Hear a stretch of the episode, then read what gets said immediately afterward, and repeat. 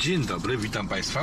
Jakiś czas temu obiecałem, że dla życia stolicy dogram erratę dla programu, ewentualnie do programu, bo errata jest do czegoś, ale też dedykowana jest dla kogoś albo dla czegoś.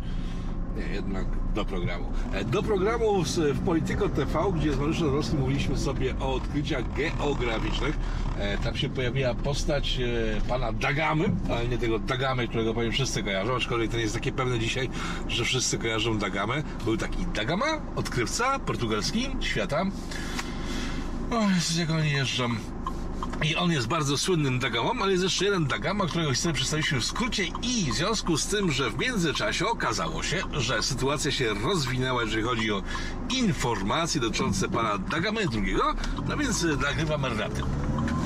E, Czasem takie, że jest lato, jest e, wakacje zaczęły się, w związku z tym będę szukał jakichś innych inspiracji do spotkań z wami, tylko tym Dagamą się zajmę. E, Dagama, Vasco da Gama, ten odkrywca portugalski, przypuszczam pana, na chwilę wstrzymam program od Dagama.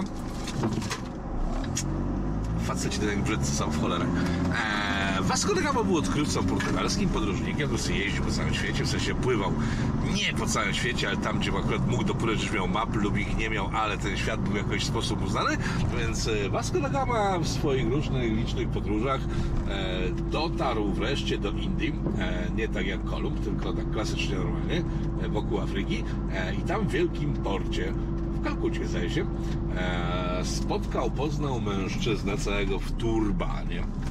Znaczy nie był cały w turbanie, ale w turbanie i cały był po arabsku ubrany. E, ewidentnie islam z niego bił, e, który był zarządcą portu całego, Maharadży jakowego, który tym portem w sensie władał, a ten pan w turbanie zarządzał. No i generalnie był taki kuty na cztery nogi, wszyscy go strasznie szanowali, był strasznie bogaty i wzbudzał szacunek. No dziwo, w sensie pan Dagama się bardzo zdziwił, kiedy ten turbaniasty facet pojawił się u niego w nocy na statku. E, podpłynął cichaczem łódką, wzięto go za szpiega, e, ściągnięto turban, zrzucono go brutalnie na ziemię, precz i zaczęto poddawać pana tego przybyłego turbaniastego przed chwilą jeszcze e, torturom.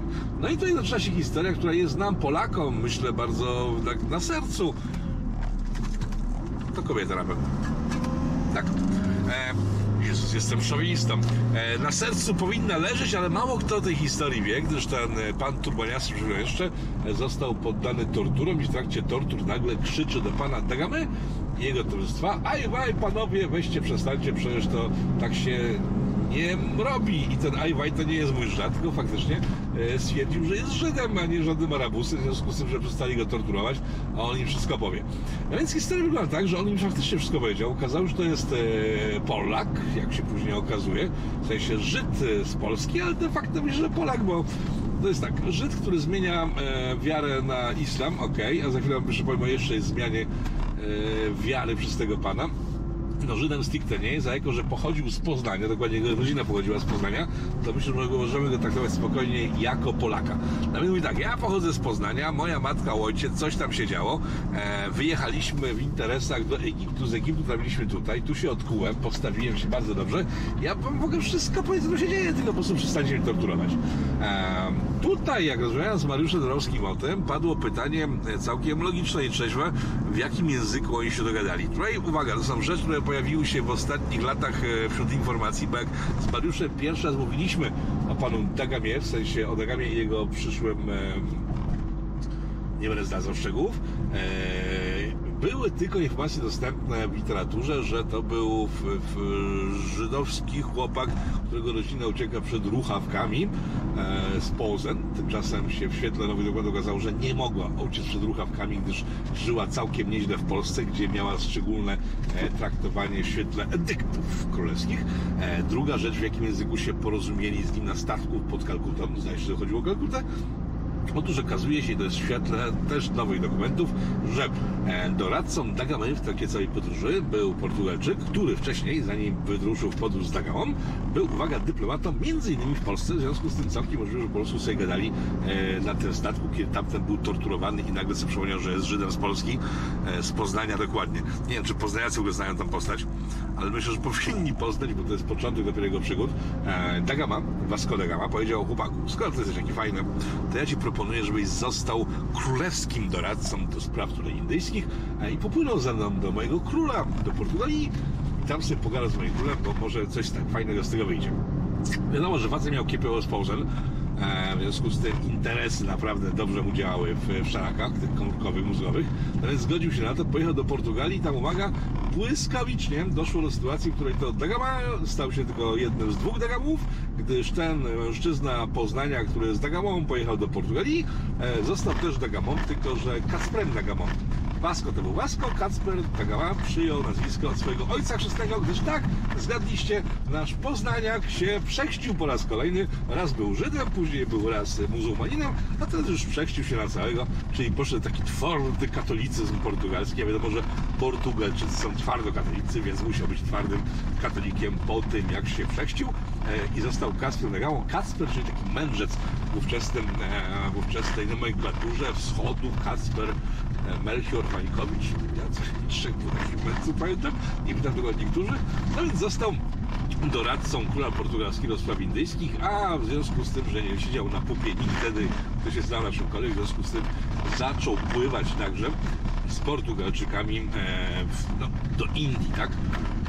I tutaj, myślę, jest następny element, e, który jest, myślę, mało znany w polskiej historiografii, historiografii, tak, historiografii, nie historiografii, historiografii, e, gdyż Dagama e, Kasper już tym razem, już bez tego swojego ojca chrzestnego, pływając w konwojach portugalskich wokół Afryki do Indii, pewnego dnia stwierdził, płynąc takim konwojem, który bardzo się wolno posuwał, tak strasznie się wolno posuwał, stwierdził, chłopaki, a może byśmy tak, wiecie, bo to wzdłuż tego brzegu jakoś tak słabo wieje, może byśmy odbili tak trochę głębiej w Ocean Atlantycki, może jakieś lepsze wiatry będą. No i faktycznie znaleźli lepsze wiatry, ale przy okazji jeszcze znaleźli jakąś skrawę ziemi, którą na horyzoncie ujrzeli, a na mapach jej nie widzieli, bo na mapach jej nie było i tak patrzą, tak na mapach nie ma, tam jest, no to chyba tam jest coś, czego nie ma na mapach, więc chyba właśnie zostaliśmy znowu jakimiś cholernymi odkrywcami. I faktycznie okazało się, że ten statek kierowany przez nawigatora w postaci Dagama Kaspra, poznaniaka, przypominam, po dwóch przechrzczeniach się, e, to właśnie oni odkryli Brazylię i wszystko na to wskazuje, a jako, że jesteśmy Polakami i dbamy o to, że nasza historia była najlepsza, e, stawiamy pierwsze kroki na ziemi brazylijskiej w postaci stóp pana Kaspra Dagamy, który był Polakiem z Poznania. W sumie on odkrył Brazylię dzisiejszą. Taka historia z historii historycznego, uzupełnienie e, wątku o panu Dagamie, obu panów Dagamach. I już takiej postaci w historii jest cała masa. Eee, znaczy ja wiem, że jest ich cała masa. I jak tylko będzie taka możliwość, że złapię Wenerę taką jak dzisiaj, to postaram się przedstawić wiele takich postaci z naszej historii, kompletnie nieznanych nikomu, bo przecież Polska cebula, ziemniaki, kiełbasa.